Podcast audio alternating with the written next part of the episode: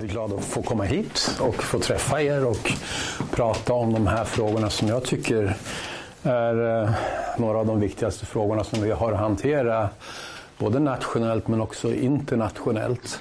Några korta ord om mig då. Jag utsågs till ambassadör mot människohandel i maj 2016 och är alltså en tematisk ambassadör, kallas för ambassadör at large, en ambassadör på fri fot. Så istället för att vara ansvarig för ett land så är jag ansvarig för en tematisk fråga och representerar då regeringen överallt i den här frågan. Och eh, ni får avbryta mig också om ni tycker att jag, att jag hoppar över någonting för snabbt eller någonting som är oklart, så det går alldeles utmärkt. Innan jag eh, utnämndes, innan den här funktionen inrättades, så har frågan funnits i portföljer hos andra ambassadörer. Men det är ingen ambassadör som har haft eh, det här uppdraget på 100 procent. Och skälet till att regeringen vill ha en funktion som jobbar med de här frågorna till 100 procent, det finns flera skäl. Det var framförallt Margot Wallström och dåvarande jämställdhetsministern Åsa Regner som drev på för funktionens inrättande. Dels för att antalet offer för eh, människohandel ökar hela tiden. Dels för att de flesta av offren är kvinnor och barn, kvinnor och flickor. Och dels för att det finns en eh, ganska så högljudd internationell ska vi säga, lobby som eh, argumenterar för att prostitution ska betraktas som ett arbete vilket som helst.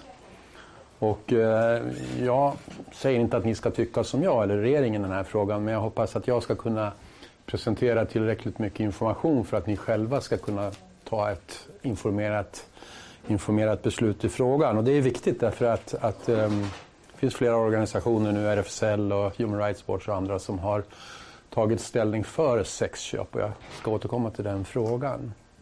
Och jag, om jag får rikta mig särskilt till er som är yngre då, så tycker jag att det är otroligt kul att se att ni är här. Och jag försöker när jag är hemma i Sverige att alltid åka runt på skolor och träffa er. För det är ni som snart ska bestämma i Sverige. Och, och viktigt att ha en uppfattning om de här viktiga frågorna som rör mänskliga rättigheter.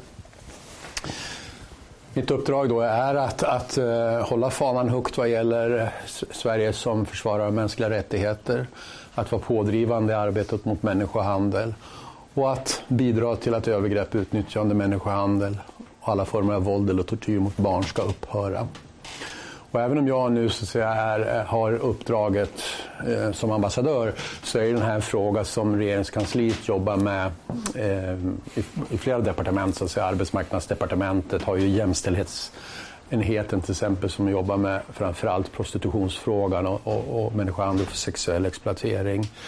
Eh, Eh, justitiedepartementet är de som oftast förhandlar när det ska till nya rättsliga instrument i FN eller, eller EU. Även om jag alltid är med och inblandad på något hörn så är det de som har huvudansvaret för det. Arbetsmarknadsdepartementet jobbar också med frågor om exploatering för eh, ar, eh, arbetskraftsexploatering. Och mitt uppdrag det omfattar alla former av människohandel. Så människohandel för tagande av organ, tvångsgifte, eh, människohandel för eh, tiggeri, arbetskraftsexploatering och sexuell exploatering. Men jag är ombedd att särskilt fokusera då på människohandel för sexuell exploatering. Nu vet ju inte jag vad ni alla kan om den här frågan så jag tar det lite basic till att börja med. Vad människohandel är? Ja, det är ju ett brott. Och det handlar då om att man genom rekrytering, transport, transportering, överförande eller ta emot någon genom användande av hot, våld eller andra former av tvång. Eller att man lurar någon. Eh, man tar emot någon då i syfte att utnyttja den personen. Då är rekvisiten för människohandel uppfyllda. Och är det så att det är fråga om någon under 18 år som kan vara föremål för människohandel, då behöver man inte som åklagare visa att, eh, att eh, tvång har varit inblandat på något sätt utan det räcker med rekrytering, transportering och att det är syftet att utnyttja. Och I Sverige så har vi vår reglering i brottsbalken. Det finns en Europarådskonvention som, som tar sikte på de här frågorna, ett EU-direktiv som vi är bundna av och sen det viktigaste dokumentet är Palermoprotokollet då Eh, tilläggsprotokoll till protokoll om organiserad brottslighet som de flesta stater i världen har anslutit sig till. Jag la med en där, nu är många av er så unga så ni kanske inte har sett Lilja Forever. Men det är ju en film som väldigt väl beskriver vad människohandel för sexuell exploatering handlar om. Så har ni inte sett den och vill ha en ytterligare temakväll här så kan jag rekommendera den. Ibland kanske ni hör begreppet modern slavery. Det är ett begrepp som, som England driver. Det hänger ihop med att de har en lagstiftning som heter The Modern Slavery Act. Och det är människohandel plus efterföljande exploatering som man har slagit ihop. Men vi håller hårt på, och många länder med oss, på att vi ska prata om just människohandel, för annars vet vi inte riktigt vad vi jämför när vi jämför oss mellan olika länder. Vet alla varför människohandel förekommer? Jag får några... Ni förstår själva att det är en trickfråga. Va? De flesta brukar säga, och det förstår jag, att, att det beror på att det finns eh, så mycket fattigdom i världen. Att vi har eh, klimatutmaningar som gör att människor måste flytta på sig och så vidare. Då säger jag fel, fel, fel. Det enda skälet till att människohandel förekommer det är därför att det finns människor som är beredda att utnyttja andra människors utsatthet. Människor som är beredda och efterfrågar kvinnor i prostitution, som efterfrågar gratis arbetsplats, som är beredda att eh, ta organ från andra människor och så vidare. Fanns inte efterfrågan, demand, då skulle vi heller inte ha människohandel. Sen är det självklart så att fattigdom är en av de saker som gör människor mer utsatta. Vore jag i en situation där jag hade svårt att få mat på bordet, jag hade svårt att hjälpa mina barn och kanske inte fanns några framtidsutsikter. Då skulle jag förmodligen också kunna vara ett ganska lätt byte för, för en människohandlare som lockar med luften om ett bättre jobb i ett annat land eller någonting som man kanske skulle vilja tro på i, i, i ambitionen liksom att skapa sig en bättre framtid. Men eh, tyvärr så är det inte alltid så. I vilken utsträckning förekommer då människohandel? Ja, det finns många olika uppgifter. Den officiella siffran från FN är någonstans mellan 2,5 och 5 miljoner. Talar man med ILO så säger de 21 miljoner. Och talar man med the Global Slavery Index så säger de nästan 46 miljoner. Och vi vet exakt, inte exakt hur många offren är men att de är oerhört många, det vet vi. Och att det är en jättestor fråga.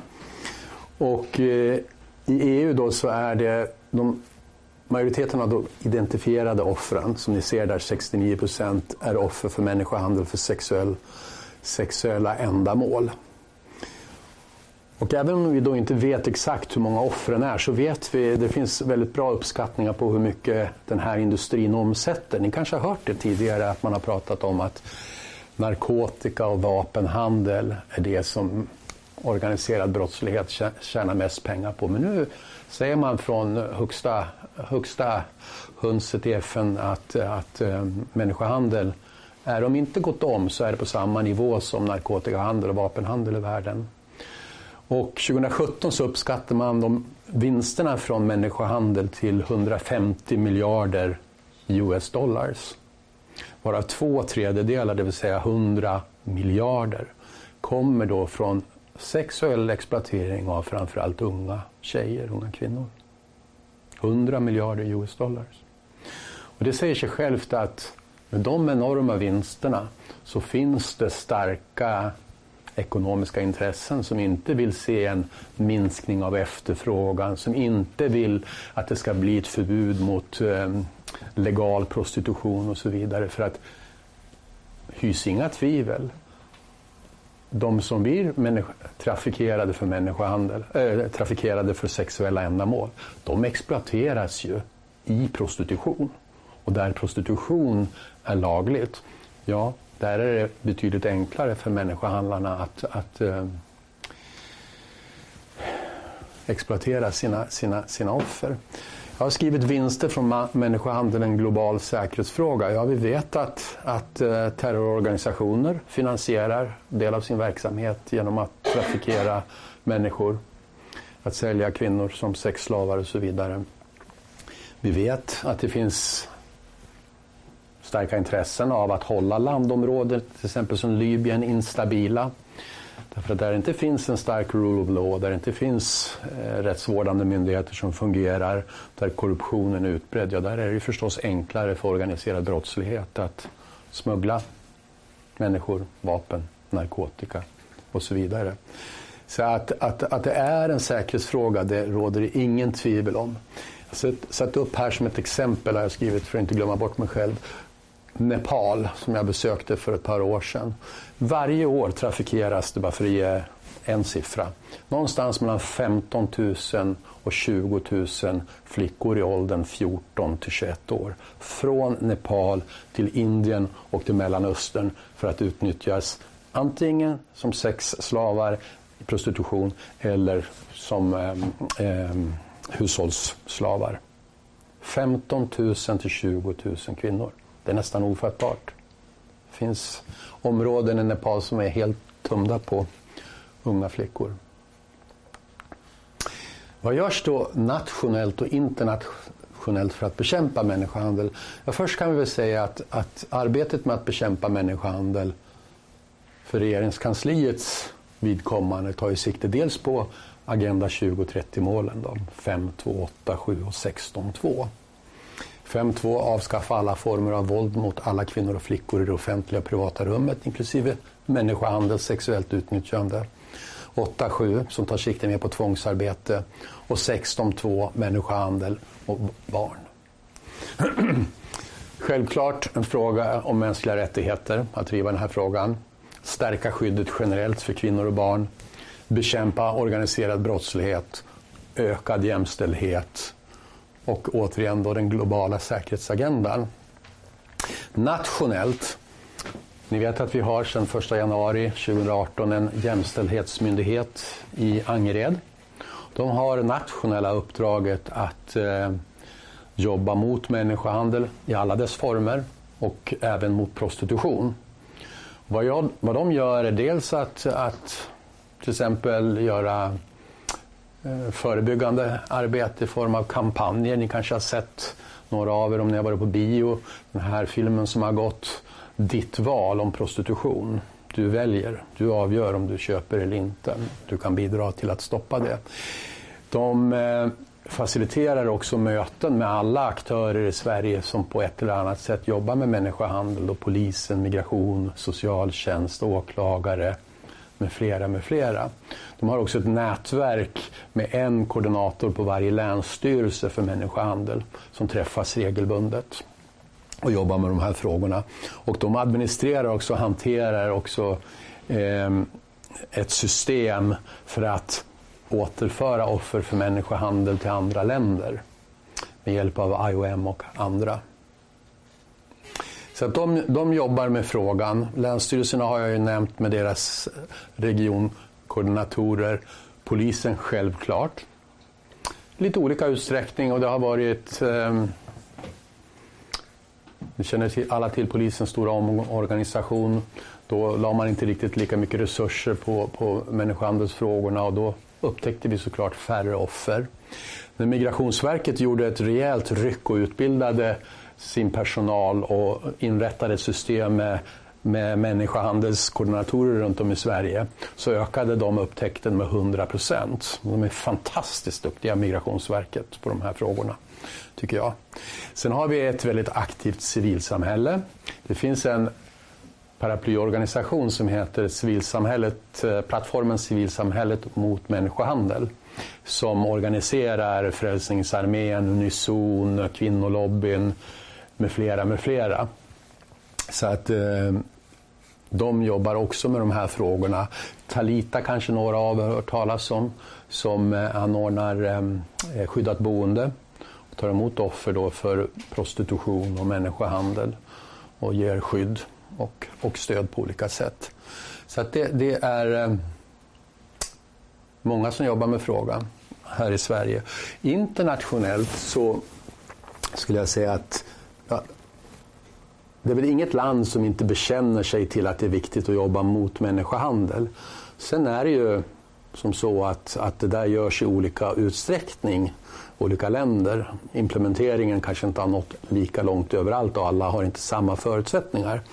Men eh, stora länder som USA, England och Frankrike och många andra gör ett gediget arbete som har väldigt mycket fokus av att utbilda domare, åklagare, poliser, vilket är jätteviktigt.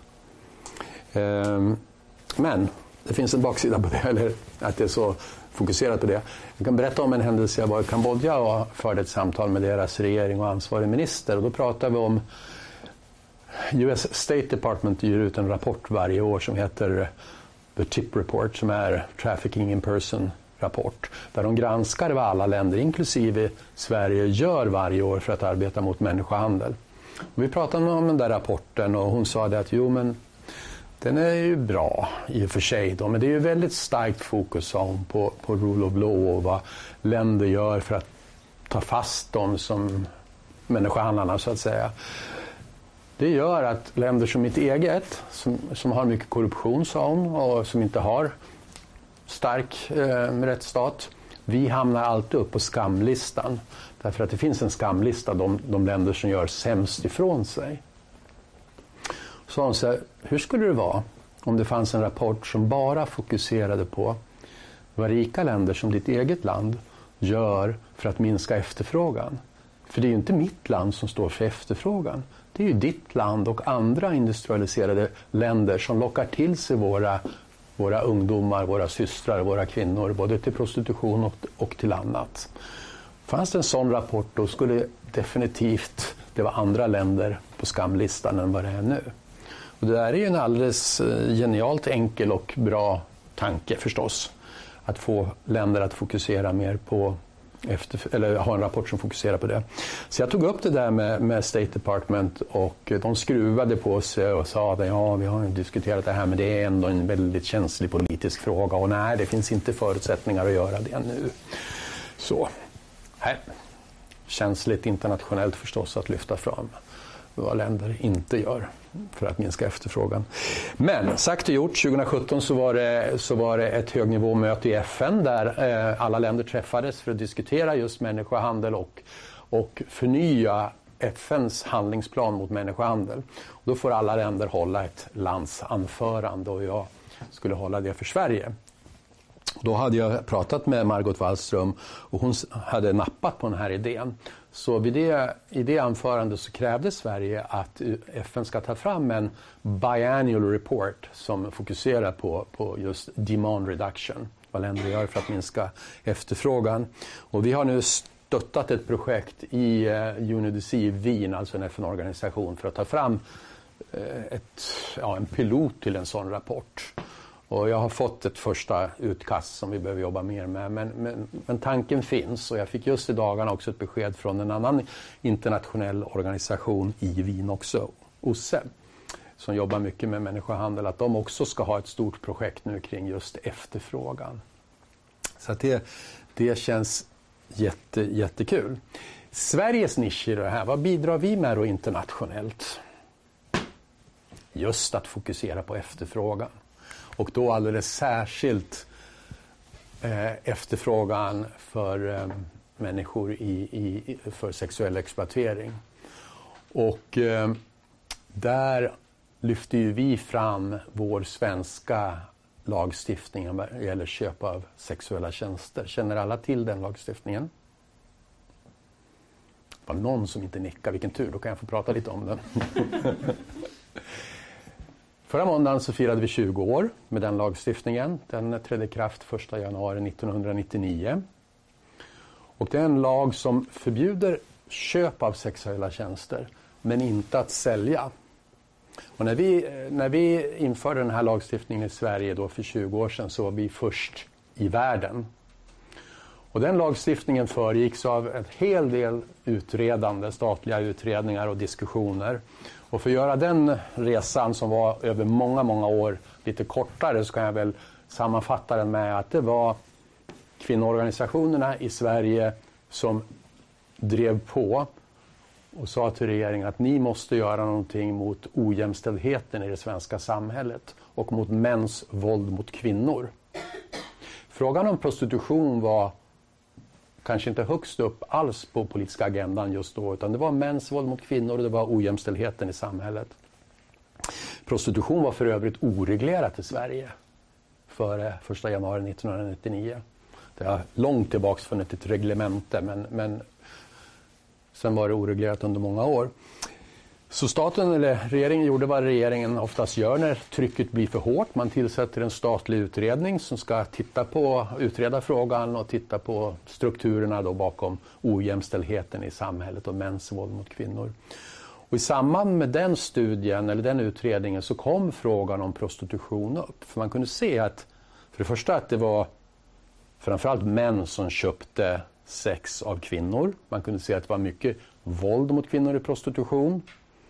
Eh, så det vart en fråga om, om jämställdhet. Är det jämställt att män kan använda sin ekonomiska makt för att köpa tillgång till kvinnors kroppar? Och hur gör vi med våldet? Och Kvinnoorganisationerna lobbade för en utredning som skulle kolla på prostitution också och det var två utredningar. Sammanfattar man dem så kan man säga att de gjorde ett gediget jobb. Eh, några av er kanske känner Hanna Olsson som har jobbat mycket med frågorna. Hon var med i en av utredningarna, eller båda kanske till och med.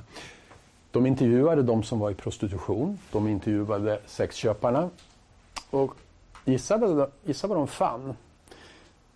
Ja, vid den tidpunkten så var de flesta som var i prostitution i Sverige unga svenska kvinnor. De träffade inte den där starka unga entreprenörtjejen som sa att ja, här i Sverige är det fantastiskt att växa upp. Här har jag möjlighet att utbilda mig till småskolelärare, bil, billärare, tandläkare, läkare eller vad som helst. Men jag väljer att jobba som prostituerad. Det är det yrke jag vill ha. Jag vill ha sex med 20-30 okända män per dygn. Det tycker jag känns som ett schysst yrke. Nix.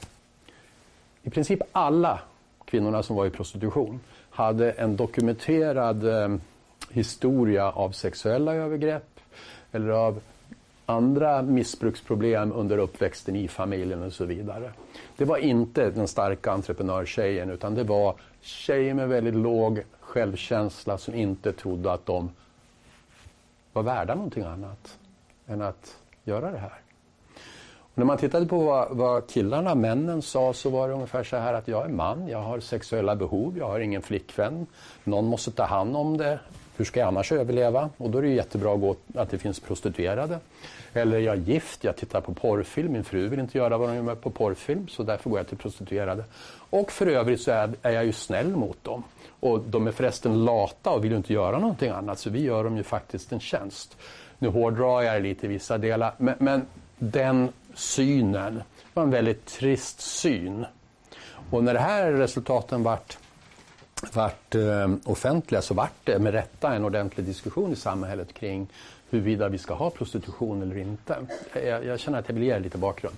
Och, och eh, man landade då från regeringens sida i ett nej, vi vill inte ha prostitution i Sverige. Och då var ju nästa fråga, hur ska vi reglera det här? Och då var det många som argumenterade och sa att ja, men om det är två personer över 18 år som ingår ett avtal jag erbjuder dig 1000 kronor för att jag ska få göra det och det med dig och du säger ja, ja då, har vi ju, då är ju båda involverade i transaktionen. Då borde väl båda kriminaliseras. Så var det andra som räckte upp handen och sa, nej men kom ihåg resultatet från utredningen. Det här, de här tjejerna, eller unga kvinnorna, är inte kriminella. De är ju alldeles uppenbarligen offer. De har Samhället har inte lyckats skydda och stötta dem under deras uppväxt. Ska vi nu straffa dem och låsa in dem i fängelse eller ge dem dryga böter? Nej, låt oss lägga ansvaret där det hör hemma. På den person som utnyttjar någon annans utsatthet. Och den modellen vann, så att säga.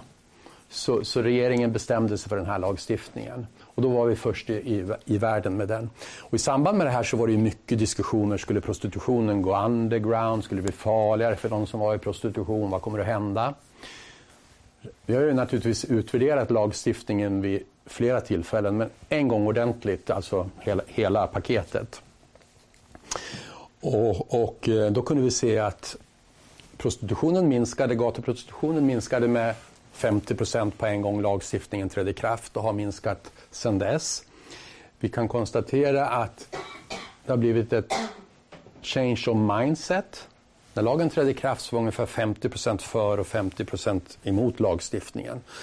Jag törs hävda att, ja, vi vet från enkäter och så att det är någonstans mellan 70-80 procent som är för lagstiftningen idag. Alltså verkligen för, och så finns det de som inte känner till eller har någon uppfattning. Men jag törs hävda, jag har en son som är 28. Och när jag har pratat med honom om de här frågorna och frågat hur han och hans kompisar ser på det, så säger han att vadå, gå och köpa sex? Det, är liksom, det skulle vara helt oacceptabelt. Det, det, det, det gör man inte. Men alltså vi vet att i andra kulturer så är inte det ovanligt. I vissa länder så är det tradition att man går med sin far till en bordell innan man, innan man gifter sig för att uh, ha sex för första gången. Eller som i vissa länder, att vill chefen gå på bordell så är man så god att gå med som medarbetare. Så är det inte i Sverige, utan det har verkligen, verkligen varsågod. Eh, jag undrar hur du ser på om det finns någon statistik över svenskar som köper sex utomlands? Mm. Jag ska kommentera det, absolut. Det har gjorts eh, flera, flera undersökningar där och de blir ju per definition ja, det blir så att säga anonyma undersökningar där man frågar har du någon gång köpt sex utomlands? Och där, där har det funnits, eller där finns det siffror som visar att, att ja, det är män som har gjort det och män som gör det alltjämt, men att den siffran minskar i alla fall. Och, och vi som jobbar med frågan och de som har forskat på den vill ändå säga att just att vi har haft den här lagstiftningen i 20 år, att det har förändrat synen på det här, så är det i alla fall färre som köper sex idag utomlands än vad det hade varit annars. Men visst förekommer det att män köper sex utomlands och det var ett lagförslag som höll på att lämnas till riksdagen förra året där man föreslog då att man skulle ta bort kravet på dubbel straffbarhet som det heter och göra det möjligt för svensk åklagare att åtala en svensk medborgare som har köpt sex i ett land där det är tillåtet. Men eh, politisk kohandel gjorde att eh, det fanns inte majoritet för förslaget i riksdagen så det lämnades aldrig till riksdagen. Norge har haft en sån lagstiftning ett par år och jag tycker att det är en bra lagstiftning på så sätt att det visar att ett land tar ansvar för sina medborgare. Sen kan man ju hävda att det är oerhört svårt för svensk polis att, att ta reda på om någon köper sex utomlands och så, utan det blir mer slumpen som gör om någon åker fast så att säga. Men det är ändå en stark signal att det är inte bara här som vi tycker det här är viktigt, utan det är viktigt globalt. Och det skulle ge, tänker jag,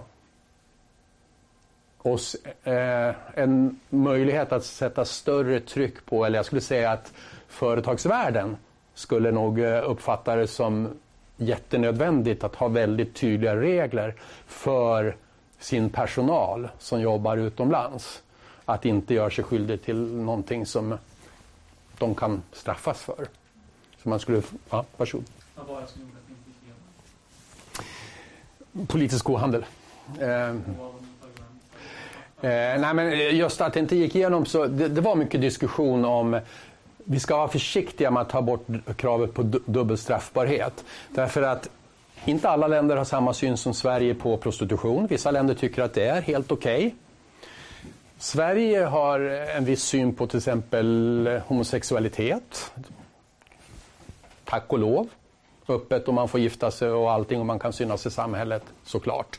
Alla länder har inte den synen. Och då fanns det rädsla för att om vi går och liksom inte respekterar andras, andra länders lagstiftning så kan andra länder få för sig att inte respektera vår syn och straffa sina medborgare som kanske vistas, bor i Sverige under en period.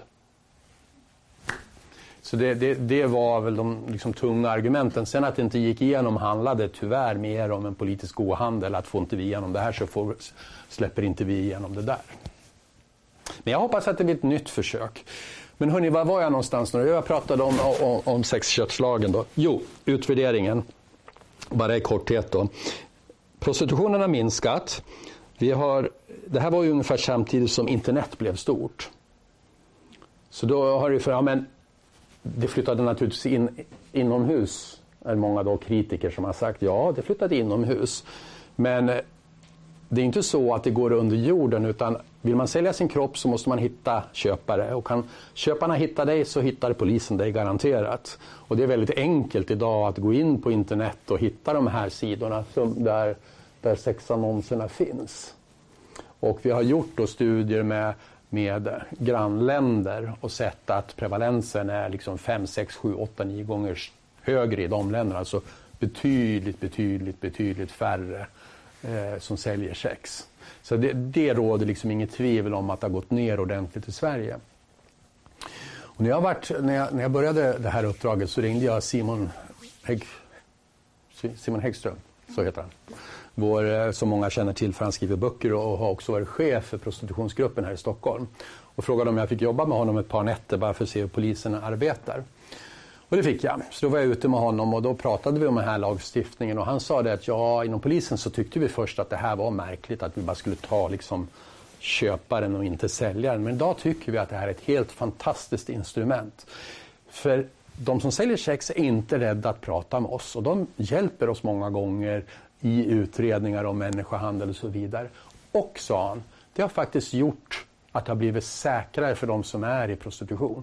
Därför med tanke på the change of mindset och allting. Om jag skulle gå ut och köpa sex i Stockholm idag så skulle jag ju vara livrädd att någon fick reda på det. Jag skulle förlora mitt ansikte, säger man kanske inte på svenska, men ja, ni förstår vad jag menar. Eh, gå till fängelse eller få böter, eh, förlora mitt jobb. Och det är precis så det funkar. De som köper sex ger sig inte på den som är i prostitution. Rånar inte, slår inte, för de vet att gör man någonting och polisen kommer så är det jag som köpare som blir ivägtransporterad till häktet, inte den som säljer sex. Vi, vi åkte bland annat till en adress på, här på Kungsholmen där eh, det såldes sex. Och polisen grep en sexköpare, sen gick vi in i lägenheten och där var det en ung kvinna, 26 år, var en enrummare. Jag kan bara berätta om interiören. Det var liksom en madrass på golvet med ett ljusblått eh, lakan, en burk med glidmedel och våtservetter. Det var vad som fanns där. Och hon berättade då att jo, men här tar jag emot tio män per dygn och jag tycker att det är jättebra. Det är ingen som tvingar mig och jag har hyrt den här lägenheten i tre månader och jag tänker fortsätta göra det. Jag tjänar bra med pengar. Ja, sa Simon och hans kollegor då. Du känner till den svenska lagstiftningen. Vi kommer inte göra någonting mot, mot dig. Men vi kommer att komma tillbaka och störa din verksamhet och gripa så många köpare som vi kan. Och vi kommer också se till att det kommer någon från socialtjänsten och prata med dig och berätta vad vi kan erbjuda i form av stöd. Skulle du vilja lämna prostitution? Och det glömde jag säga, men det är också en väldigt viktig del av den svenska sexköpslagen så att säga. Att in i finkan med den som köper, erbjud och ge stöd till den som är i prostitution. Jätteviktig del. Ja, sagt och gjort. Eh, det kom två damer från socialtjänsten och pratade med den här unga kvinnan då. Och hon berättade samma historia som jag just nämnde för er. De kom tillbaks dag två, hon berättade samma historia. De kom tillbaks dag tre och då kunde de känna att det fanns någonting annat som hon ville berätta. Och dag fyra så öppnade hon upp och berättade att nej, men det var ju så att det finns två killar i närheten som håller koll på henne, som kör henne mellan olika adresser, som sätter in annonserna eh, på nätet och som tar det mesta av pengarna. Och så är det ju otroligt ofta. Att om du approcherar någon som är i prostitution så kommer hon eller han inte omedelbart inför dig som främmande människa från en myndighet kanske bara öppna upp sig och säga jo, jag är tvingad. Utan eh, man är förstås rädd. Det kan finnas andra skäl till varför man försöker upprätthålla en fasad av att nej, men jag är i kontroll. Så. Så att... Eh, och sen lagen trädde i kraft i Sverige så har ingen mördats i prostitution. Och jag ska nu berätta om hur det ser ut i Tyskland. Tyskland valde ju då 2002 en annan väg. De sa att det här är världens äldsta yrke. Medan vi då sa att det här är världens äldsta exploatering.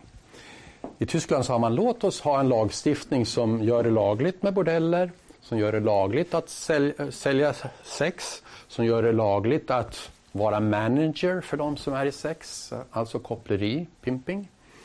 Eh, låt, oss ha en, eh, låt oss ha ett system som gör det möjligt för de som är i prostitution att registrera sig så att man kan, få pension och, och, och sjukpenning och så vidare. Det var 2002. Idag då 17 år senare så är den officiella siffran i Tyskland 400 000 kvinnor i prostitution. Gissa hur många som är då tyska unga kvinnor som har valt det här som det som jag vill göra. Väldigt få. Officiella siffran är 98 procent av de som arbetar på de tyska bordellerna är kvinnor från andra länder som Moldavien, Bulgarien, Albanien med flera med flera. Det är de som jobbar på bordellerna. Och medan efterfrågan har gått ner ordentligt i Sverige så har efterfrågan i Tyskland gått upp med 30 procent. Idag sker ungefär 1,2 miljoner sexköp per dygn i Tyskland. Och objektifieringen av kvinnor och, och av den här handeln har liksom exploaterat. Du har megabordeller som servar upp till tusen män per dygn där du kan betala en flat rate på jag tror det är 79 euro så får du en korv, en dricka och så kan du gå in och i princip göra vad du vill med hur många tjejer som helst under x antal timmar då som den här flat raten gäller. Och du har då förstås eh, eller förstås, men så är det på en del av bordellerna, då indelat. Våning ett så kan det vara då västerländska kvinnor. Våning två, asiatiska kvinnor. Våning tre, kvinnor med of color och, och så vidare. Så att det, är, det är en industri. Och tyska staten beskattar detta. 2017 var vinsterna alltså, som beskattades i Tyskland 15 miljarder euro. Hittills, sedan 2002, så är det 40, 40 personer som har registrerat sig för sociala rättigheter i Tyskland. Man vill inte hamna i, i, i myndigheternas rullor som, som, som prostituerad. Säkerheten då? Tyskland noll mord i prostitution. Tyskland fler än 80 mord i prostitution sedan lagstiftningen trädde i kraft. Så att, att det är ju inget snack om saken när man jämför effekterna av olika policyval. Ja. måste du vara, för att jobba i de här bordellerna i Tyskland, måste du vara registrerad eller kan du vara där? Nej, som det är idag så behöver du inte vara registrerad. Ja. Jag ska berätta om vad som komma skall i Tyskland. Men i alla fall, det är väldigt enkelt att se effekterna av de olika policyvalen. Och medan då Interpol säger beträffande Sverige att Sverige är i princip en död marknad för människohandel för sexuell exploatering. Alltså det förekommer, men i jämförelse så är vi i princip en död marknad för att efterfrågan är så låg. Så fullkomligt blomstrar den ju i länder där man tillåter prostitution.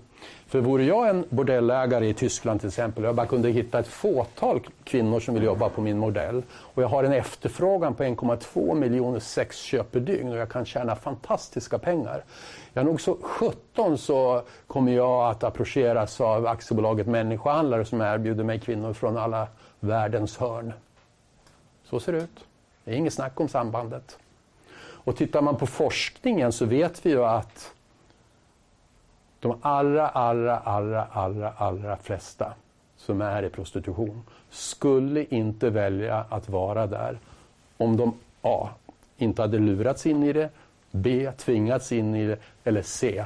inte såg att de, eh, att de såg att de hade någon annan möjlighet att klara livhanken, att försörja sig själv eller sina barn. Så det är ju inte ett, det är ju inte ett frivilligt val. Och vad vi kan se också är ju att det i princip uteslutande är, så är det de mest utsatta, de mest marginaliserade runt om i världen som är i, i prostitution. Låt mig bara få citera en, en, en kvinna som jag träffade i Colombia så, som var i prostitution. Och hon sa, och i Colombia så är det inte tillåtet med prostitution. Då sa hon så här att det är förfärligt, det är fruktansvärt att vara i prostitution här i Colombia.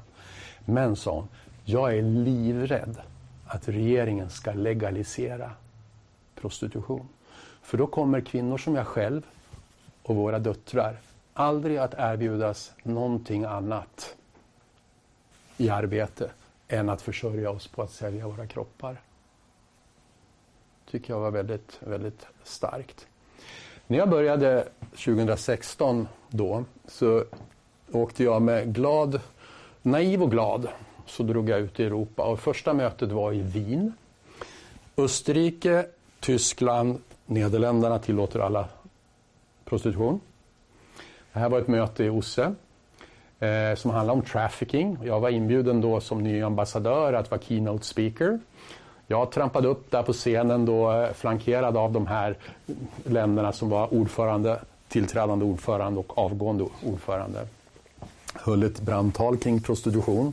Klev sen av scenen 30 minuter senare, för då var det fika, gick och ställde mig vid ett sånt här runt bord. Och det fanns inte så många runda bord. Ingen kom och ställde sig hos mig. Jag hade understått mig att ta upp denna fråga i detta sammanhang. För att det är en sån känslig fråga. Och då kan man ju fråga sig varför är frågan så känslig? Ja, det enda förklaringen jag kan finna det är ju att förstås ingen kan väl blunda för forskningen, ingen kan blunda för effekterna av policyvalen. Och att man egentligen skäms för att be behöva försvara en ordning som denna. Som ytterst är ju ett politiskt beslut men som, som både politiker och tjänsteman så är det jobbigt att, att försvara det. Därför ska man helst inte prata om det. Jag tycker att det har blivit en islossning. Jag eh, nämna ett annat eh, ett exempel på det. Jag var inbjuden på ett så kallat högnivåmöte i, i, i London för fyra veckor sedan om människohandel, för sexuell, eller människohandel och migration. Också inbjuden som, som huvudtalare. Och jag kommer in i rummet, då, då, jag kommer lite sent, så alla andra sitter där och då är det återigen de här länderna som tillåter prostitution och några länder till. Och jag tänker, oj, oj, hur ska det här bli nu? För nu, nu hade jag verkligen laddat. Så jag säger det att nu har jag haft det här uppdraget i tre och ett halvt år. Reser världen runt, pratar om best practice för att arbeta mot människohandel för sexuell exploatering. Och jag är trött på att man inte kan ta upp och diskutera elefanten i rummet tydligt, nämligen prostitutionsverksamheten. Som ju är den verksamhet där offren för människohandel, som jag sa, exploateras. Så nu tänker jag göra det. Och jag ber om ursäkt om någon av er blir offended, men, men det här måste få sägas. Och så höll jag det här talet som jag nästan ungefär har gjort för er då. Och gjorde, gick igenom forskningen, gick igenom effekterna av olika policyval. Och när jag var klar så räckte Tyskland upp handen direkt. tänkte, ja, ja. Och då var det en, en senior herre från, eh, från, eh, från det tyska inrikesdepartementet, eh, chef för enheten för organiserad brottslighet, som sa att ja, jag representerar då ett av de länder som har gjort ett annat policyval. Och sa han, det här har aldrig hänt förut. Det är alldeles uppenbart, sa han, att vår lagstiftning inte förmår skydda kvinnorna i prostitution som vi trodde att den skulle göra. Det är alldeles uppenbart, sa han. Och vi gör nu några förändringar av lagstiftningen vi inför en obligatorisk skyldighet att registrera sig om man ska sälja sex. Vi inför en obligatorisk skyldighet att träffa en terapeut innan man börjar sälja sex för någon form av evaluation om man är lämplig för yrket. Men, sa min personliga uppfattning är att vi måste följa det svenska exemplet och reglera det här, förbjuda sexköp och stödja de som är i prostitution. Det är det enda sättet. Och jag är övertygad om, sa han, att Tyskland kommer att följa om några år. Och du vet, då börjar det liksom, eh, eh, ja det var lyckorus i kroppen. Och när han var klar, då räcker hon från Nederländerna upp handen. Och om någon har varit Red Light District i, i Amsterdam, då vet ni vad jag pratar om. Fruktansvärt. Och hon är senior advisor då i, i, i justitiedepartementet. Och hon säger nästan ordagrant exakt vad den tyska mannen sa. Och det är fantastiskt. Det har inte hänt tidigare att man gör det offentligt. Att man har sagt det mellan skål och vägg så här, ja det funkar inte så bra. Så, där, mm, mm, mm, så Det har man gjort, men inte så här. Och nu har faktiskt ett flertal tyska Eh, riksdagsledamöter gått ut offentligt i media och sagt att vi är trötta på att Tyskland är Europas bordell. Och vi vill ändra lagstiftningen och införa den svenska modellen. Och I Nederländerna så var det 40 000 ungdomar som gick till sitt parlament före sommaren och lämnade in en petition och sa att eh, vi vill inte ha prostitution i vårt land. Snälla ändra lagstiftningen. Så de måste också ha en debatt i parlamentet. Så det börjar röra på sig. Och ni vet att efter Sverige så har ju Kanada, Norge, Island, mm, Nordirland, Irland, Frankrike och Israel följt efter. Så att fler länder har ju tagit det här och flera på gång. Jag ska återkomma till det strax. Men du hade en fråga? Nej, min fråga var... Hur ser lagstiftningen ut? Alltså, i EU. Eftersom liksom, för du, nu har du pratat om de olika länder. Men finns det gemensamma lagstiftning gällande prostitution? Mm. Ja, men jättebra att du tar upp den frågan. Nej, det här är en nationell angelägenhet hur man reglerar prostitution. Men redan 2014, och, och, och det hade säkert diskuterats innan också, men 2014 så gick det så långt så att man tog fram en resolution i Europaparlamentet kring prostitution som röstades ja till. Och där rekommendationen är att samtliga EUs länder bör införa den svenska lagstiftningen. För den är, har bevisat bästa effekt för att minska efterfrågan eh, och, och, och där, där, därigenom stävja så att säga, människohandel för sexuell exploatering. Men fortfarande så är det ju då länder som har annan lagstiftning. Den som Tyskland som, och Nederländerna och Österrike som fullt ut tillåter bordeller och prostitution. Många länder, däribland Finland, Spanien, Italien säger nej till bordeller. Det är inte tillåtet. Men däremot är det okej okay att köpa sex av någon som är över 18 så länge du försäkrar dig om att han eller hon inte är ett offer för människohandel. Och apropå det jag sa tidigare. Om jag approcherar en man eller kvinna på gatan och frågar om hon vill sälja, eller han vill sälja sex till mig så tro, och jag frågar är du tvingad till det här? Så kommer inte den personen säga ja. Det funkar inte så, det vet vi. Så att, att, att förmå de här länderna att, att, att skifta och ha en annan lagstiftning, det är viktigt. Sen eh, som jag har sagt, det är ju enorma pengar i det här. Och jag har hört tyska politiker säga att som enskild politiker att lyfta den här frågan är förenad med en fara för din politiska framtid. Därför att du har så starka lobbyorganisationer som ger dig på dig med full kraft. För återigen, det är de som tjänar pengar på det här, och det är inte kvinnorna som går på gatan, de vill inte att efterfrågan ska minska. De vill inte ha förbud mot prostitution, utan de vill ju att det här ska flöda och vara fritt. Och det gör att en av utmaningarna jag har skrivit här, Soros, George Soros känner ni säkert till, en, förmögen herre som har gjort väldigt mycket gott när det gäller demokratifrågor, inte minst i forna Sovjet. Han eh, har då en annan syn på det här och förespråkar då full legalisering av prostitution, att det borde vara ett yrke som vilket som helst annat. Och annonserar då både i svensk press och utländsk press och erbjuder 50 000 US dollars till de organisationer som vill jobba mot den svenska agendan.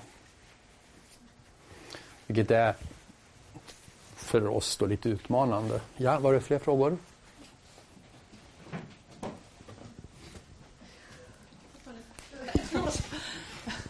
Eh, ja, jag kanske avbröt dig lite mitt i så jag kan ta frågan efter du har, fort, uh, har pratat klart om det här. Ja, det är, jag måste sy ihop här nu för nu har jag, jag fick bara 45 minuter så jag ska snabba, snabba, snabba på. Men, men eh, bara säga en sak om ett feministiskt argument och ni får hugga emot om ni vill. Men jag har ju liksom flera gånger fått fingret pekat mot mig av kvinnor som har sagt du gubbe lilla ska inte stå där framme och tala om för oss vad vi får göra eller inte göra med våra kroppar. Om jag bestämmer mig för att sälja sex så är väl det mitt val. Och då brukar jag säga det att ja, absolut. Jag köper det argumentet. Om det är så att man rent faktiskt är i en situation där man kan göra det valet. Men vi vet att 99,98 procent av de som är i prostitution, De är inte i den situationen att de kan välja genom att jobba på ICA eller som lärare eller doktor eller vad det nu är för någonting och att man istället väljer det här. Vi vet att det är de mest utsatta som hamnar i prostitution. Och därför köper inte jag ditt argument. Det finns ett starkt skyddsintresse att skydda de som är mest utsatta. Yes. Eh, vi ser ju det här som en, en viktig del av SRHR-frågorna, naturligtvis, eh, prostitutionsfrågan. Ni vet att de frågorna är ansatta, att eh, USA och andra jobbar mot, när det gäller begränsningar av aborträtt och andra länder också. Så att det här är en fråga som vi hela tiden måste balansera så att säga. Att vi inte alienerar oss från, från länder som vi kraftfullt kan driva SRHR-frågorna i övrigt med. Så att här får vi balansera för att i prostitutionsfrågan så är vi ju färre än kanske i andra frågor. Bara nämna också jättesnabbt då att eh, 8 mars i år, alla vet vad det är för viktig dag? Bra. Internationella kvinnodagen. Då träffade Sverige och Frankrike en, en överenskommelse om att från den dagen ha en gemensam diplomati inom området människohandel för sexuell exploatering och mot prostitution. Vilket är, tycker jag är fantastiskt att få teama upp med ett sådant stort land. Så nu håller, vi, håller jag på att jobba med min motpart i Paris på att ta fram en detaljerad ska vi säga, action plan där vi har identifierat så att säga, vad ska vi ge för instruktioner till våra ambassader runt om i världen? Vad ska våra representationer i Genève och New York och så vidare göra? Vilka processer ska vi arbeta i? För att vi, vi måste agera på, på många fronter eftersom de då som vill legalisera och som vill se sexarbete, de finns också i våra internationella organisationer och försöker ständigt lobba in ord som sex work och sånt där som vi håller emot allt vad vi kan. Så att det här samarbetet med, med Frankrike är ju fantastiskt. Och sen, bara väldigt kort, ambassaderna är jätteviktiga och vi har precis tagit fram en EU-utbildning till alla ambassader, i världen, alltså svenska ambassader kring människohandel och prostitution så att de också ska kunna arbeta ännu mer aktivt med det här. Sen hade jag tänkt säga någonting om porr därför att när jag började jobba med de här frågorna så tänkte inte jag på porr i det här sammanhanget. Jag, säga. Nej, men jag tänkte inte på porr något särskilt. Men, men, men, men, men, men, eh, det gör jag nu. Jag kan ju väldigt tydligt se att det här är precis samma cyniska utnyttjande av unga människor i sexindustrin. Och som av många beskrivs som en ännu värre exploatering på så sätt att de eh, övergreppen som begås, de eh, finns ju också dokumenterade för eftervärlden. Och vi vet att det ökar efterfrågan på eh, unga kvinnor och män för den delen också till sexindustrin. Vi vet att det är en inkörsport för Eh, till prostitution.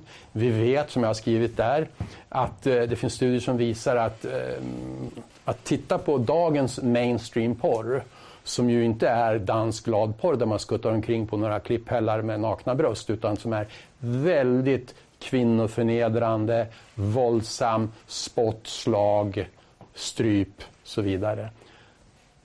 Tittar man på det så normaliseras det här och det påverkar unga mäns attityder till tjejer.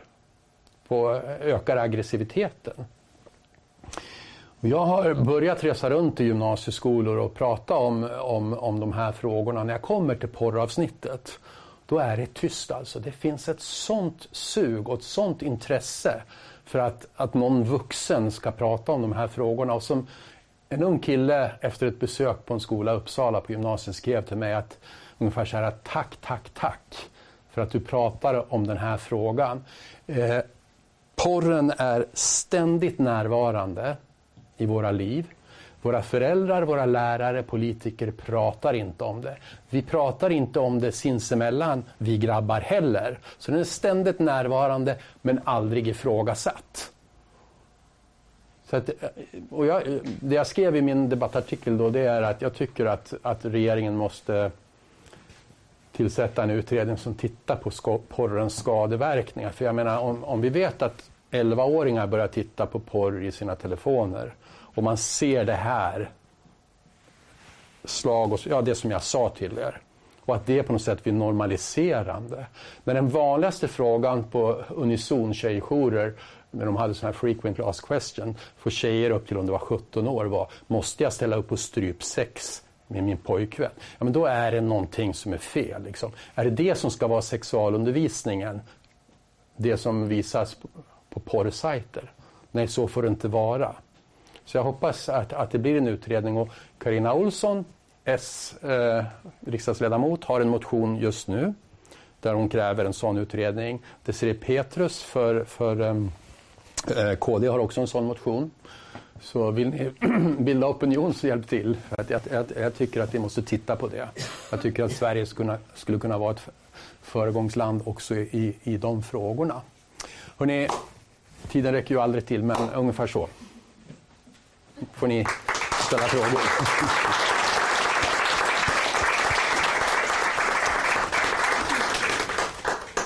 Då vill jag först och främst tacka dig så mycket för att du kom till FUF och talade om de här väldigt viktiga frågorna. Och sen så vill jag bara lämna över ordet till publiken, för jag antar att det finns väldigt många frågor om de här Ja, och tycker ni liksom att det är någonting ni vill ifrågasätta så var inte blyga att göra det. Jag, jag tål det. Jag har en fråga. Um just med lagstiftning av prostitution eller liknande. Ja. Det är flera organisationer som pratar nu om att man vill avkriminalisera sexköp. Mm. RFSL och Amnesty tror jag pratar om det. Och vad har man för argument eller grunder för det nu när du pekar på den här forskningen som du har sett? Mm.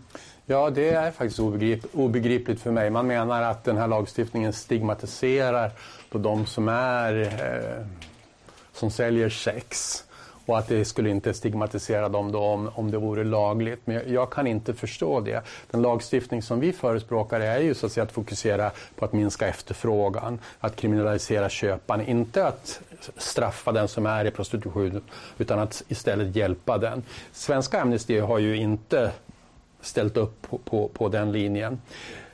Human Rights Watch hade nyligen en artikel i Svenskan där man efter ett projekt man hade gjort, bedrivit i Sydafrika hade kommit fram till slutsatsen att nu ska vi rekommendera Sydafrikas regering att legalisera sexköp. När jag läste det där så vart jag upprörd.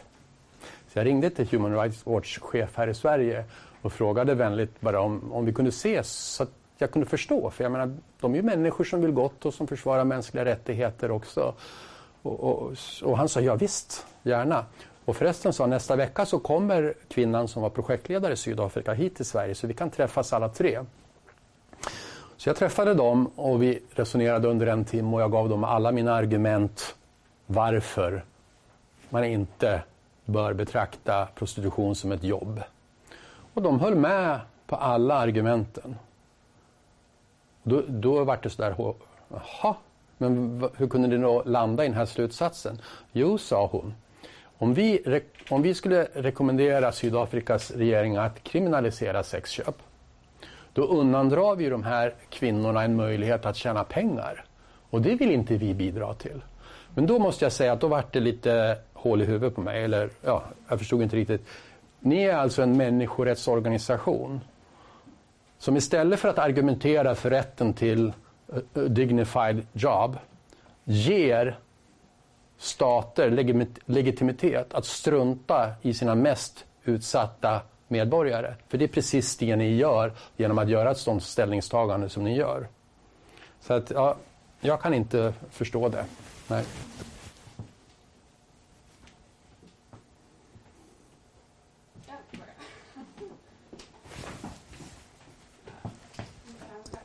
Ehm, jag tänkte väl mest på hur du ser på att eh, svenska skattepengar till exempel via bistånd från Sida till diverse organisationer eller går till organisationer som stödjer avkriminaliseringen. Mm. För det går ju direkt emot det svenska regeringen eh, och du arbetar för. Mm. Och mm. Hur, eh, alltså hur ser du på det? Mm. Hur påverkar det ditt arbete? Blir lite så här plus minus? Tack för frågan. Jättebra att få, få eh, bemöta den eller svara på den. För alla som inte är insatt så är det så att, att eh, Sida då ger ju bistånd och, stöd till en mängd organisationer runt om i världen. Och eh, det som har uppmärksammats då är att de ger stöd till några organisationer som aktivt driver, driver att prostitution ska ses som ett arbete vilket som helst. Och det här har förstås gjort många upprörda. Och, och, och, precis som du ställer frågan så å ena sidan har man då mig som reser runt i världen och driver på för att prostitution inte ska betraktas som ett yrke. Samtidigt så ger vi då stöd till organisationer som jobbar mot den agendan. Då är det så att, att inte en svensk biståndskrona ska gå till en organisation eh, som, eh, för verksamhet som är ämnad att gå emot svensk lagstiftning eller svensk policy, till exempel det här. Däremot är det ju så, och det är det Sida säger, att de här organisationerna de gör fantastiskt fint jobb i andra delar av sin verksamhet där vi inte har alternativ, andra organisationer som kan nå lika långt ut i kapillärerna, kanske i, i, i vissa delar av Afrika och så vidare. Och skulle vi stoppa helt fundingen till dem, då, då, då når vi inte ut i andra angelägna frågor. Därför har Sida en, en, en klausul i sitt avtal som säger att eh, ni får, ta, ni får de här pengarna men ni får inte använda det till det här och det här. Men det är klart att i en internationell kontext när, man, när jag möter mina vänner så att säga som också jobbar och gräsrotsorganisationer och som kanske har svårt att få stöd eh, och få pengar och så vet de att Sverige är en stor biståndsgivare till organisationerna som jobbar emot dem och mot mig. Så blir det ibland väldigt svårt att förstå och svårt att försvara. Men det regeringen har sagt och regeringen vill göra det är ju att, att ge mer aktivt stöd till de organisationer som jobbar för den här agendan. Och det kommer vi att göra, eller det kommer regeringen att göra. Men visst, det, det, det är en fråga som tål att diskuteras, men så ser det ut idag. Ja, du nämnde, va? Mm.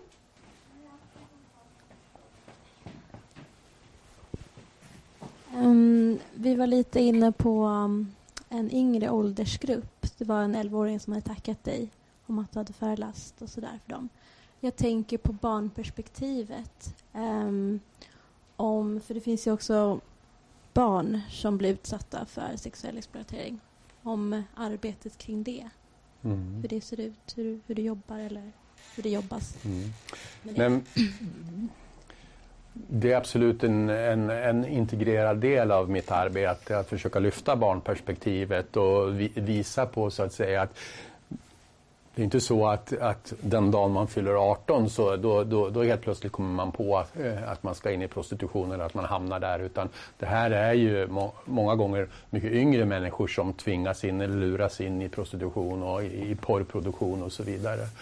Och, och, vi har ju här i Sverige också problem med, med män som, som beställer sexuella övergrepp över nätet. Ni kanske har sett de här rättsfallen av eh, bland annat en man då som, som via en chatt då, och någon form av videokamera då, där en mamma på Filippinerna då utsatte sin sexåriga flicka för brutala övergrepp. Eh, för han skrev då vad hon skulle göra och att det skulle synas att det gjorde ont och så vidare. Jag har varit nere på plats i, i, i Filippinerna tillsammans med svensk polis för att liksom, uppmärksamma det här och, och, försöka förstå vad vi kan göra mer och så vidare. Så det är definitivt en del men, men det kan säkert göras mer, det, det är väl så. Absolut. Mm. Jag har en följdfråga. Jag jobbar på socialtjänsten. Med sådana här frågor. Ja, vad bra. Är den på? Ja, den, den låter inte här, men låter Okej. Ehm, jag träffar många unga människor som eh, blir utsatta för på Snapchat. Att skicka en bild så får mm. du köpa den här spriten eller och eh, även när unga tjejer framförallt anmäler till polisen så händer ingenting. Och det leder till lite mer destruktivt beteende. Och det tycker jag är ganska mm, tydligt att det här ändå inte riktigt funkar. Om man säger så. Eller hur tänker du kring det? Nej, jag håller med dig och det, det behöver definitivt eh, eh adresseras och jobbas mer med. Det, det där är ju ett jätteproblem. Ni kanske, några av er följer eller har träffat eh, organisationen Inte din hora. Och en av förespråkarna där berättar ju just om hur hon hamnade i det här och att det började egentligen med att hon, att hon eh, inte mådde så bra. Att hon ägnade mycket tid på nätet. Att hon träffade killar i sin egen ålder, gubbar i min ålder kanske det var, som, som eh, uppmuntrade henne och gav henne uppmärksamhet och så vidare. Och efter ett tag ville de, skulle inte jag kunna få se dig lite mer lättklädd och se åtminstone ditt ena bröst och det ena leder till det andra så blir det en utpressningssituation och rätt vad det var så, så satt hon i en bil med, med en 40-årig man och hade sex mot betalning. Så att det, där är, det där är definitivt någonting som vi måste hitta bättre former för att adressera. Och jag tänker på hela det här med, med sugar daddy och den problematiken som inte är någonting annat än prostitution naturligtvis. Det är prostitution fullt ut. Det är bara klätt till ett annat namn precis som när eskort kom att det skulle vara någonting annat än prostitution. Och jag vet inte, jag har inga silver bullet på något sätt men jag tänker att att prata om frågorna, eh, att upplysa, att föra den här diskussionen. Jag önskar att, att vi hade personer som reste runt nonstop i skolorna och förde den här diskussionen öppet. Men du kanske har något mer resurser till socialtjänsten, tänker jag. Har varit ute på gymnasiet Ja. och pratat om relationer och sånt. Mm. Det intressanta är att vi får inte prata om det här utan vi får prata om vad finns det för stöd att ge om du blir utsatt för någonting. Mhm. Till exempel. Ja. Var. Var, varför, nu måste jag få ställa en följdfråga. Varför får ni inte prata om, om det här då? För det inte var för uppdrag. Nej, okej. Okej. Uppdrag är att prata om vad för stöd vi kan ge. Ja. Vi får teama upp du och jag så kan jag prata fullt ut om det så kan du prata om stödet. Så, ja. Mm.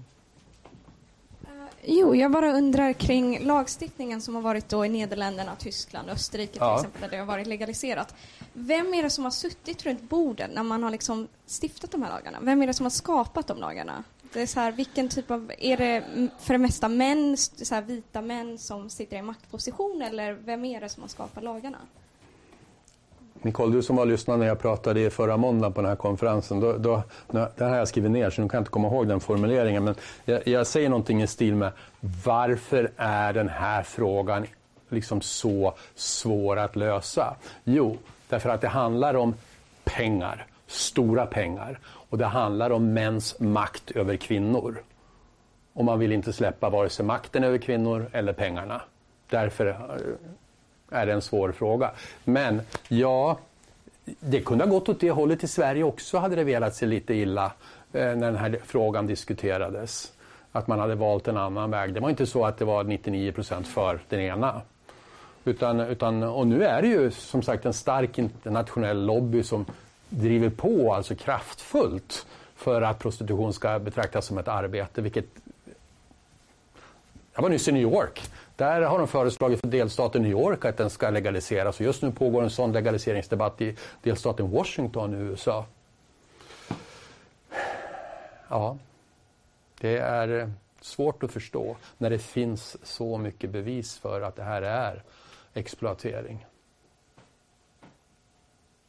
Men i New York, var det, var, förlåt, Mm. jag tänkte bara i New York, vad är det liksom grundat på? För att du förklarar liksom fallet Sydafrika, Mm. kvinnorna har ingen Mm. är ett Ja. konstigt argument, men vad, vad är New York då? Nej, men I New York så är det, är det då, skulle jag vilja, tänker jag, eh, starka ekonomiska intressen som har pushat ut eh, sådana som säger sig vara, och kanske är också för den delen, det ska jag inte ifrågasätta, så kallade sex workers som då eh, går i bräschen och säger att Nej, det här är det vi vill göra. Sen vad de har för bevekelsegrunder för att göra det, om det lönar sig för dem att göra det eller sånt, det får jag väl låta vara osagt. Men, men diskussionen står där att, att det finns en del högljudda personer som, som säger att det här är mitt val. Och att, det, att man inte når fram med all den andra informationen. Och, och jag kan ju säga så att så sent som i mars i år när det var den här stora kvinno... CS, CSW heter det i New York som är en gång per år om kvinnors rättigheter så var jag där tillsammans med ROX och Unison och andra. Och då fick vi höra talas om att det var ett, ett event som anordnades, ett side-event som anordnades av två FN-organisationer om sex workers rights. Så vi gick dit oanmälda och satte oss och det var 200-250 personer där inne och, och, och sådär. Och så ställer sig de här två representanterna upp för de här två olika FN-organisationerna och säger att vi ska stödja er sexarbetare allt vad vi kan och den svenska lagstiftningen är fruktansvärd och farlig och den har lett till att, att sexarbetare diskrimineras och bap, bap, bap. Och, och det var allmänt halleluja-stämning där inne bland de som var där. Så räckte jag upp min hand och sa att ja, jag heter si och så och representerar Sverige och jag måste säga att det högst förvånande att höra er representanter för två FN-organisationer stå och snacka så mycket goja. För ingenting av ni har sagt av effekten av svenska lagstiftningen stämmer. Det är ju rena, ren, det är falska påståenden. Och hur kan ni göra det?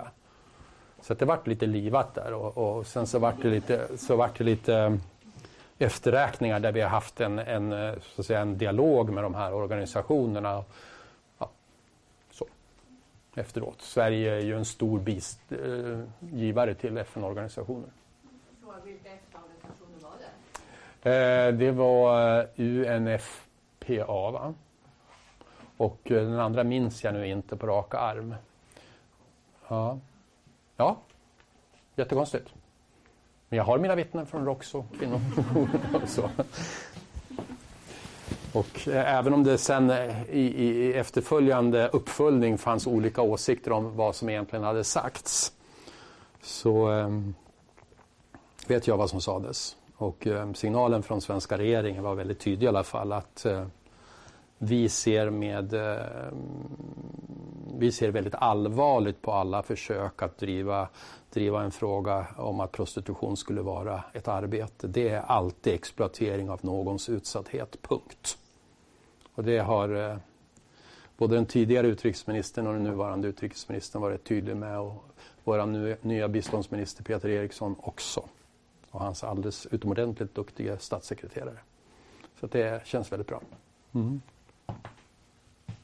Ja, jag har en fråga om porr. Ja. Eh, jag vet att England har haft som förslag, eller kanske till och med fått igenom, att ha åldersgräns på att kolla på porr. Mm. Eh, jag undrar om du vet hur Sverige ser på det? Mm. Till exempel om man skulle så här, legitimera sig med bank-id Mm. eller så. Ja, England är ju verkligen ett föregångsland där och vi har haft besök av dem och de har varit inbjudna till riksdagen för att prata om det också. De har ju lyckats då få de här stora Pornhub som är en av de största plattformarna för att förmedla gratisporr och flera andra då att frivilligt införa en åldersverifikationsfunktion. Och man har också infört porrfilter på skolor och så vidare. Och man har också gjort, eh, gjort så att köper man en mobiltelefon så är så att säga defaultinställningen att man inte omedelbart kan surfa in som 11-åring på en porrsajt. Det går naturligtvis att ändra den inställningen men det kräver ett antal handgrepp. Så de har jobbat en hel del med den frågan. Och det finns ju en, en det finns ju eh, mer och mer intresse i riksdagen nu, skulle jag vilja säga, för att komma till rätta med de här frågorna. Definitivt. Så att, eh, Finns det några negativa aspekter med det? nej, inte som jag kan se. Det är väl eh, vanliga argumentet kring yttrandefrihet och eh, fria viljan och så vidare. Men, men jag tycker att skyddsaspekterna är så tunga här med tanke på att vi vet att, att, att 11-åringar tittar på det här och jag tycker inte det är klokt att, att det inte ens finns ett porrfilter i skolorna på deras datorer. Det tycker jag. Mm.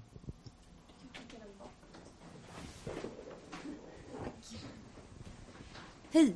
Hej. Eh, jag undrade först en sak och sen en helt annan sak, om det är okej att jag frågar båda två. Ja. Eh, först undrar jag eh, om eh, ja, men Sveriges lagstiftning, den svenska modellen för, eh, för sexköp. Mm. Eh, är den så pass känd bland de som du träffar att alla är sådär, ja just det, den svenska modellen och sen kommer du liksom med fakta. Ja men forskningen visar att det är de här effekterna och det Mm. kanske inte är just dem de känner till men att de känner till modellen. Eller är det fortfarande att du träffar organisationer som är sådär, ja men det är ju helt banbrytande även 20 år senare att Mm. de inte, kan inte tänka sig att man bara kriminaliserar Mm. sexköparna och inte de prostituerade. Och sen den andra frågan eh, om, eh, om oaktsam våldtäkt Mm. tänkte jag liksom hur du ser på det. Är det lite av kanske den sista pusselbiten i termer av vad Sverige kan göra eh, med just lagstiftning eller hur tycker du liksom att den passar in och vad kan Sverige göra mer kanske? Mm. På första frågan svarar jag ibland. Nej, Nej jag skulle säga att, att den svenska, eller som den oftast kallas, den nordiska modellen, även om då Danmark har en helt annan reglering, den är, den är väldigt känd eh, hos de flesta. Det är mer effekterna av den. Där har då varit många som har varit ute och pratat om den och sagt att den har helt andra effekter än vad den har.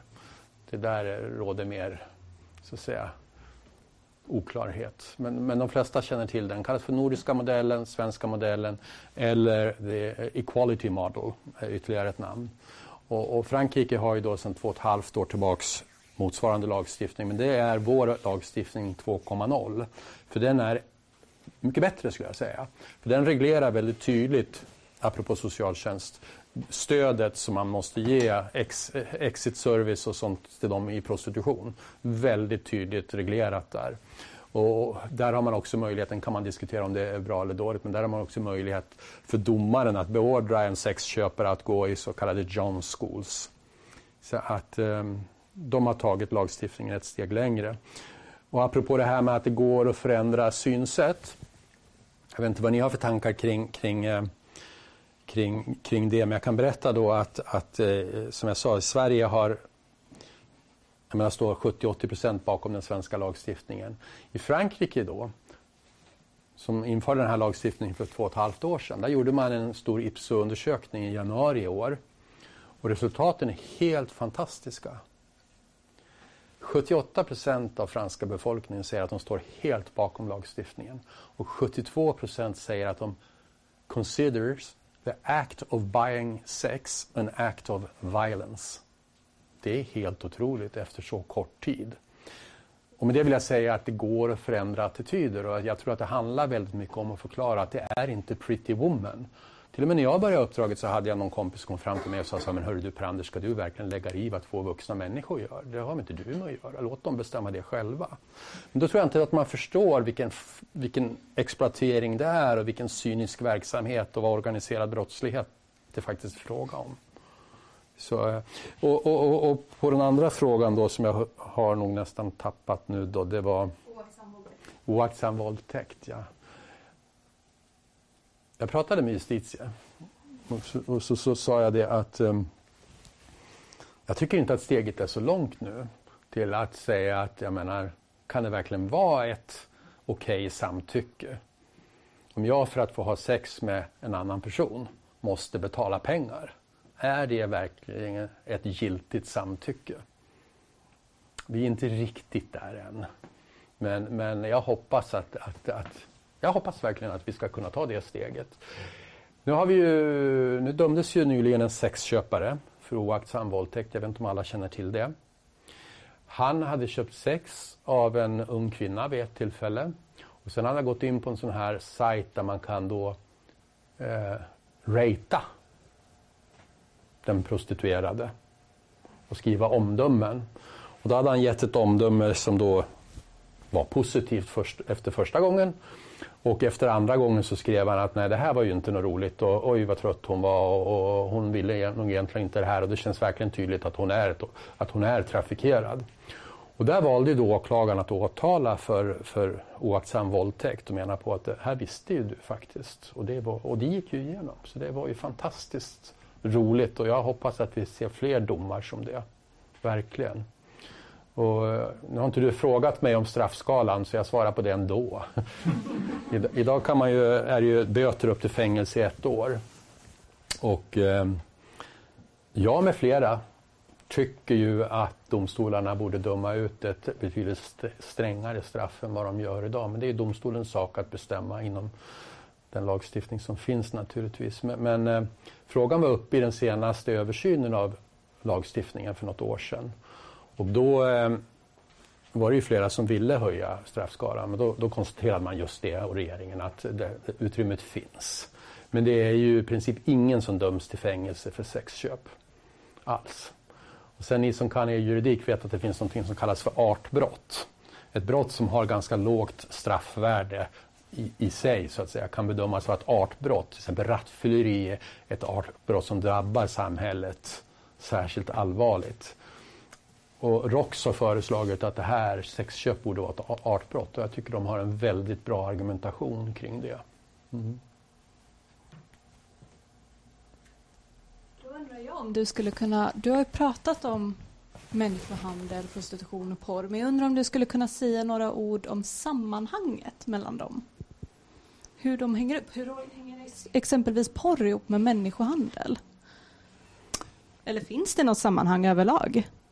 Ja, absolut, tänker jag och tänker de som har börjat jobba med frågan. Att eh, det finns ett behov av, av eh, människor för porrindustrin, då, framförallt unga kvinnor och män. Och att eh, de, precis som för pr- prostitution, kan bli lurade, hittvingade, intvingade i den formen av industri. Så det, det, det finns definitivt kopplingar och vi vet flera sådana såna härvor där det har varit unga tjejer som har trafikerats. Och ni vet att trafficking, för att det ska vara uppfyllt så behöver det inte vara mellan, över landsgränser utan en människa kan ju trafikeras här på Kungsholmen mellan, över gatan faktiskt. För att lagstiftningen ska vara uppfylld. Så att det, det, finns, det finns definitivt en koppling.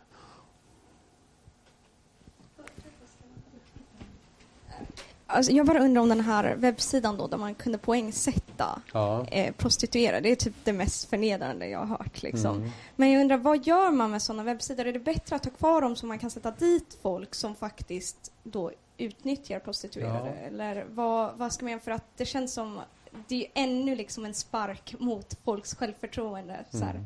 Sådana som utnyttjar det. Vad, Mm, vad gör man med sådana Det är sidor? ju fruktansvärt, en Ja. enorm förnedring naturligtvis.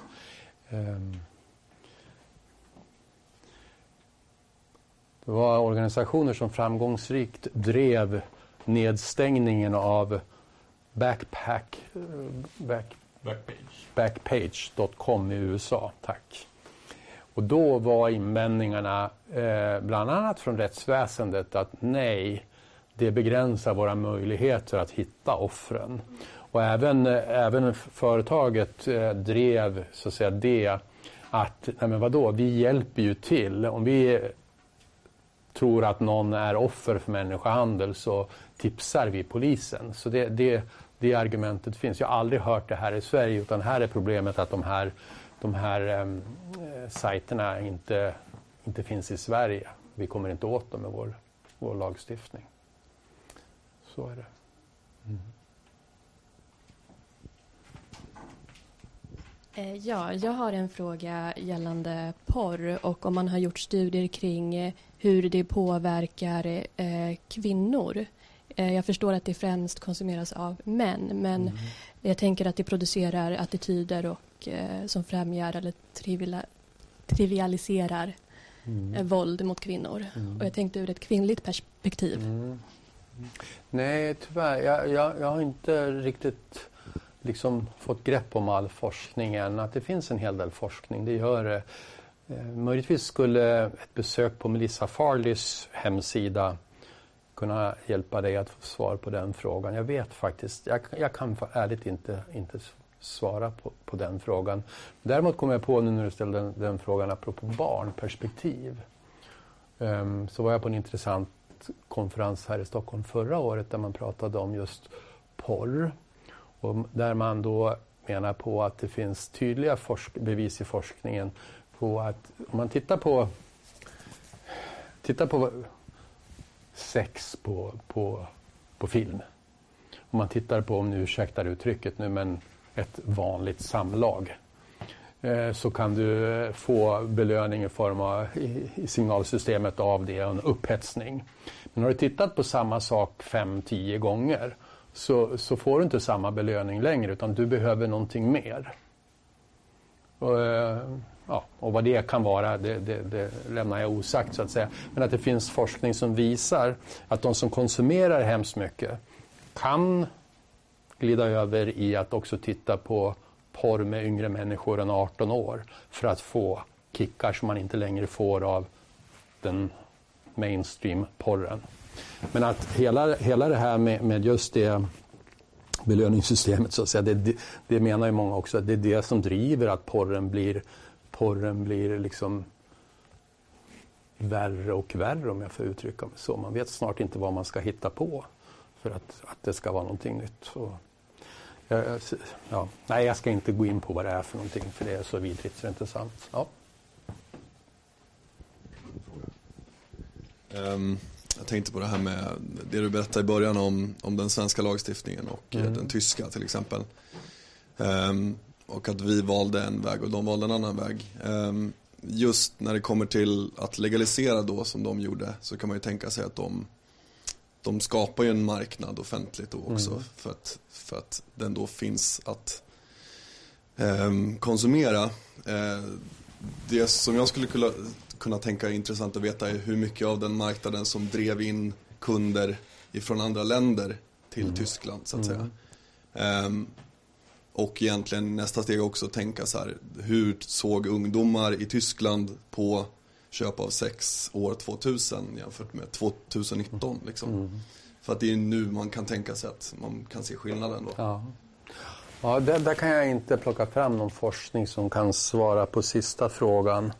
Mer än så att säga, det jag sa tidigare att efterfrågan har ökat med 30 procent och att det är normaliserat. Staten skickar ut signalen att nej, men det är okej att köpa sex, det är inget konstigt. Vi har bordeller som är tillåtna här och, och, och så vidare.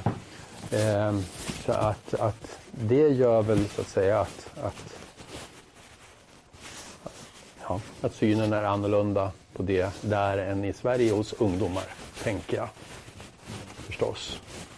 Och eh, vad, vad, vad sa du mer? Nej, det, det var dels det. Mm. Ehm, som jag bara tyckte var en intressant Ja. aspekt av det hela. För att det hade varit kul att se statistik Ja, på det om det ja, fanns. Men, ja. eh, Och sen så var det hur mycket av den här marknaden, den här efterfrågan du pratar om, som har drivits upp med 30 procent. Mm. Hur mycket den är beroende av, den, Mm.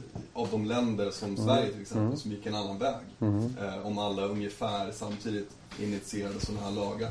Mm. Nej, men det är klart att, att, att, eh, att svenskar, eh, när det förbjöds i Sverige, eh, de som är inbitna sexköpare och som inte tänker sluta med det, eh, dels köper fortfarande i Sverige men också åker till Danmark och andra länder där man har en annan syn på det, absolut. Och när man förbjöd det i Tyskland så etablerades det omedelbart ett antal stora såna här megabordeller på gränsen till, till eh, Frankrike i Tyskland för att möta det behov som man, eller den efterfrågan som man befarade skulle finna, finnas. Och, och, och så är det nog att, att det tar ju tid att förändra attityder. Men eh, jag redovisade ju resultaten av den här enkätundersökningen och så kan man alltid fråga hur ärligt det är alla gånger och så vidare. Men man får ju ändå tro att, att det gör en skillnad om man är i ett samhälle och att staten så att säga skickar en signal att nej, vi vill inte ha prostitution. Vi ser på det som en exploatering av utsatta människor. Eller om man från staten säger att det här är precis som vilken annan verksamhet. Där köper du kylskåp, där köper du en tjej och där så lämnar du tillbaks dina trasiga brallor. Har ni varit i Amsterdam någon gång? I Red Light District? Alltså jag var där första gången i våras. Och jag har varit, jag har varit sjuk. Jag mådde så fysiskt illa av att gå runt där och se de här unga kvinnorna stå i skyltfönstren. Och se barnfamiljer, killgäng, tjejgäng dra omkring ungefär som det var Kiviks marknad och titta och skoja och skratta. Men man vet vad de här kvinnorna faktiskt utsätts för. Ja, det var fruktansvärt måste jag säga. Då har vi tid för en sista fråga. Eh, hej, eh, jag ville bara få lite klarhet. Eh, du har pratat om det lite eh, snabbt, men jag uppfattar inte riktigt. När du sa svenska modellen och nordiska modellen, finns det andra nordiska länder som har samma lagstiftning som Sverige? Uppenbarligen inte Danmark, men hur är det med Norge och Finland? Mm. Norge har det. Eh, Finland tillåter ju då köp av eh, sex från någon som är över 18 år och som inte är intvingad eller- eller ett offer för människohandel. Och eh, ja, så ser det ut i, i Finland. Och i, i Danmark är det väl ungefär samma lagstiftning. Jag tror inte att de tillåter bordeller i Danmark. Jag är faktiskt lite osäker nu när du frågar. Men Spanien då nyligen, där gick ju deras premiärminister ut före sommaren och sa det att eh, nu ska vi ändra lagstiftningen och eh, införa den svenska modellen. Därför att vi har i studier och forskning sett att ungefär 80 procent i vart fall av de som anses vara, jobba frivilligt i prostitution i Spanien är i själva verket intvingade eller offer för människohandel. Och när, jag, när jag var då i Red Light District i Amsterdam så höll jag ett anförande där för befolkningen som bor där, för jag var inbjuden för att göra det. Och eh, det var bara jag som var talare egentligen, men när jag var klar så restes en man upp och identifierade sig som Nederländernas nationella rapportör till EU för människohandel. Och han sa det, jag känner bara att jag är tvungen att ta micken och han, sa, och han är åklagare och han sa det att ungefär som jag berättade förut om den här tysken och kvinnan från Nederländerna, att det är alldeles uppenbart att vår lagstiftning inte funkar. Jag är åklagare, jag jobbar här i, i Amsterdam och vi bygger nu ett case mot vår egen regering genom att, att driva massa, åt, eh, massa brottmål för att visa på att de stora flertalet av de som arbetar här är faktiskt offer för människohandel. Så eh, jag törs nog lova att, att så är det till stor del.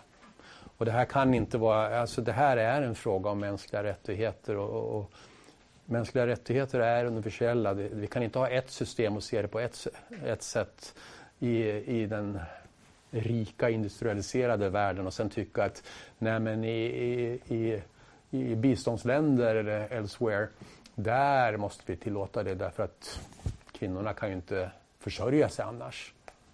Det, det, sån hållning vore, tycker jag är omöjlig. Jag kan inte förstå organisationer som, som säger så faktiskt. Men det, det, är min syn på saken. Men till alla er unga människor nu då som, som, eh, som har en möjlighet att påverka vår, allas vår framtid sen. Hoppas att ni, ni eh, tar med er det här och, och funderar på det själva om ni, om ni har funderingar på det här och ni får jättegärna höra av er till mig. Det är lätt att hitta mig, Per-Anders Sunesson på Utrikesdepartementet ifall ni har några kompletterande frågor eller vill ha något material. Och i annat fall så är det Jämställdhetsmyndigheten. Och vill ni organisera er så är det ju kanske kvinnoorganisationer, organisationen Män, fantastiskt bra organisation som också jobbar med, med de här frågorna och påverka mäns attityder i frågorna. Också bra att jobba tillsammans med. Mm. Tack så jättemycket. Mm, tack till er.